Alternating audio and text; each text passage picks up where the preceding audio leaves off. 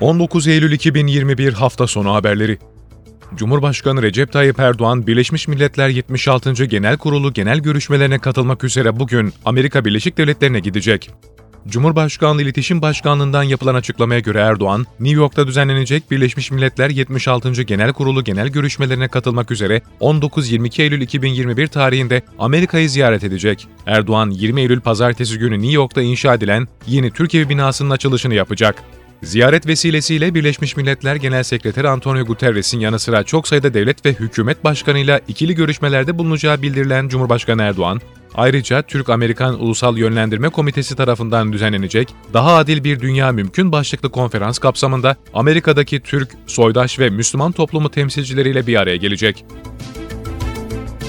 İçişleri Bakanı Süleyman Soylu, Keşan ilçesinde Gökçetepe Milli Parkı'nda düzenlenen AK Parti İstanbul Gençlik Kolları Eğitim ve Motivasyon Kampı'nda yaptığı konuşmada, Türkiye'nin terörle mücadelesinde önemli bir noktaya gelindiğini söyledi. Türkiye'deki terörist sayısının ilk kez 200'ün altına düştüğünü vurgulayan Soylu, bu akşam itibariyle Türkiye'deki terörist sayısı içeridekiyle ilk kez 200'ün altına düştü. Sayı 197'ye geldi. Bunu şunun için söyledim, terörden arındırılan Türkiye huzurlu bir Türkiye'dir diye konuştu.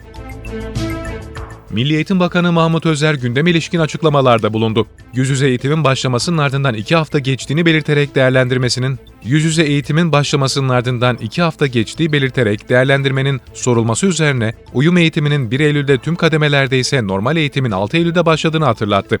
Süreci tamamen Sağlık Bakanlığı'yla koordine ettiklerini vurgulayan Bakan Özer, tüm okullarda gerekli tüm tedbirleri aldıklarını söyledi. Milletin Bakan Özer, yüz yüze eğitim sürecine ilişkin değerlendirmesinde 71.320 okuldan hiçbir vaka nedeniyle kapatılmadı ancak kapatılan sınıflarımız var ifadesini kullandı.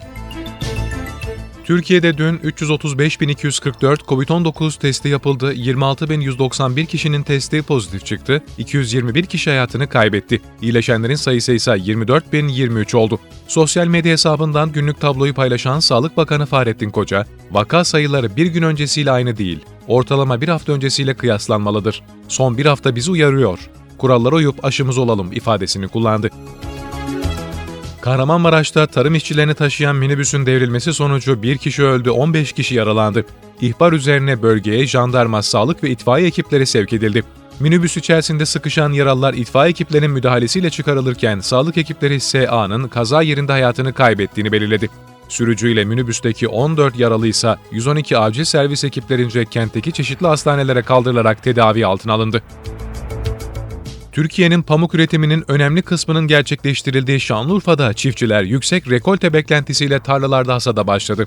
Bu yıl yaklaşık 2 milyon dönüm alana ekilen pamuğun hasadında makineleşmenin hızla gelişmesine rağmen çeşitli nedenlerle bazı çiftçiler elle hasadı tercih ediyor. Sabahın ilk ışıklarıyla tarlaların yolunu tutan ve akşama kadar pamuk toplayan işçiler kazandıkları parayla aile bütçelerine katkıda bulunuyor.